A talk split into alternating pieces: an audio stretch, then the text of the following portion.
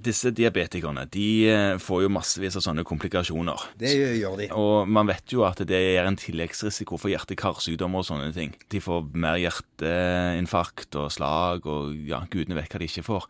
Du Kristian, skal man behandle disse her mer hissigt med tanke på å unngå disse tingene, eller gjelder de samme retningslinjene for diabetikeren som de gjelder for alle andre som er i risikosonen av en eller annen grunn?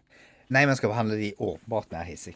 Som er mer aggressive Vi her. er aggressive her, det er det ingen tvil om. Og det er lavere behandlingsmål for blodtrykk. Og man bør gi alle sammen statin. Alle skal ha statin. Alle skal ha statin. Altså, de burde hatt i drikkevannet. Type 2-diabetikere burde hatt i drikkevannet, i hvert fall når de er over 40 år. Det er jo de aller, De aller fleste av type 2-erne er jo det. Ja, og så sier vi også at de som er under 40 år, og Skal også ha som det. fremstår av høy risiko, Ja. bør også ha det. Litt sånn der han Fins det en uten høy risiko? Som har diabetes. All klinisk praksis tilsier vel at hvis du er under 40 og har fått type 2-diabetes, så har du ganske høy risiko for hjerte-karsykdom. Da, ja. Sånn at for alle praktiske formål så bør de ha det. uavhengig av kolesterolverdier. Nei, hvis Det står nok i retningslinjen, hvis vi skal være pirkete, at Ja. det er når LDL er over 2,5. LDL over 2,5. Ja. Min kliniske praksis er jo det at svært få av de har LDL under 2,5. Så igjen de fleste De aller fleste. Men man bør jo måle kolesterol, ikke sant? Ja. Og da, da er det sånn at førstevalget er atorvastatin 20 mg eller simvastatin 40. Nettopp. Ja. Så det bør man egentlig gi. Eh, Ja, Det er bare å starte med det, da. ja. Og så skal man behandle blodtrykk Ja, Du sa at det skal man gjøre mer aggressivt. mer aggressivt. Og da er det sånn at i utgangspunktet så er behandlingsmålet sånn for er intervensjonsgrensen som for befolkningen ellers, altså 140 på 90. Men alle typer toere bør nok egentlig ligge under 135 på 85. Ok, Så litt grann mer eh, Litt mer aggressivt. Ja.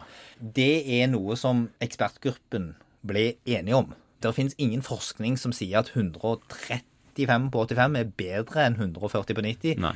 eller dårligere enn 130 på 80. Og hvis man leser sånn internasjonale eh, Retningslinjer. retningslinjer, så vil man finne alle mulige variasjoner av dette. Ja.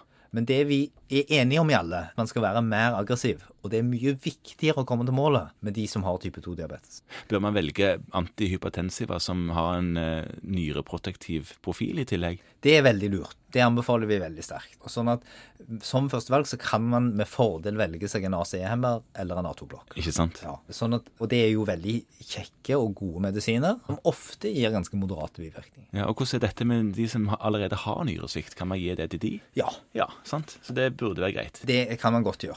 Jeg spurte en gang en nyrelege om det, og han sier at men det er alltid verre å ikke ha det. Jeg tenker at det kan man gi til man er veldig i tvil, og da kan man spørre en nyrelege. Og hvis nyrelegen da sier det er greit, så fortsetter man. Så får man heller huske på at hvis det er sånn at kretinin mer enn dobler seg, så bør man kanskje henvise de til en nyrelege. Ja, for det er sånn tommelfingerregel, dette med dobling av kreatinin. Ja.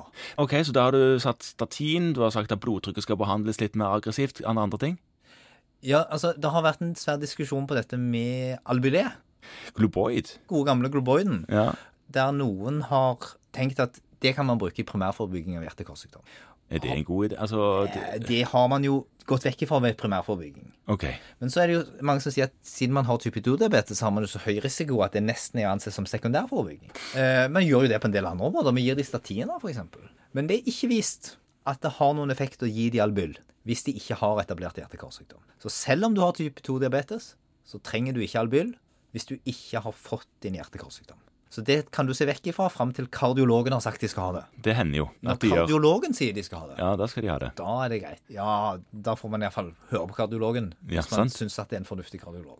Men ok, da har vi de tre tingene som man tenker er eh, viktige å gi til diabetikeren med tanke på å redusere risikoen for makrovaskulær sykdom. Det er jo i hovedsak det man påvirker. Og det er det også det å si at risikoen for makrovaskulær sykdom, den begynner nok noe tidligere i forhold til dysglykemien, altså Ja. ved høyt blodsukker, enn risikoen for de mikrovaskulære komplikasjonene. De mikrovaskulære komplikasjonene, Ja. der øker risikoen markant når HbA1c går over 6,5. Mens ved den makrovaskulære så ser det ut som det er litt mer sammensatt, og nok begynner noe tidligere. Som et uttrykk for at det er mange faktorer som spiller inn. Mm. Og nå er det vel òg en del studier som går på om det er andre medisiner òg som kan ha en protektiv profil. Ja, det er jo noen av disse nye diabetesmedisinene som har vist positive resultater. Ja, Men vi kan ikke konkludere helt sikkert ennå der. Nei, eh, i hvert fall ikke i primærprofilaksen. Nei. Nei. Greit. OK, men da har vi noe å gi til, til diabetikeren med tanke på dette òg. Ja, og vær obs på dette med hjerte-karsykdom. fordi at mange av de får problemer med nerveledningen, så kan de ha stum hjerte-karsykdom. Og derfor så bør man være liberal med å utrede de videre hvis man får mistanke om at det er noe galt i forhold til hjerte-karsykdom. Nettopp.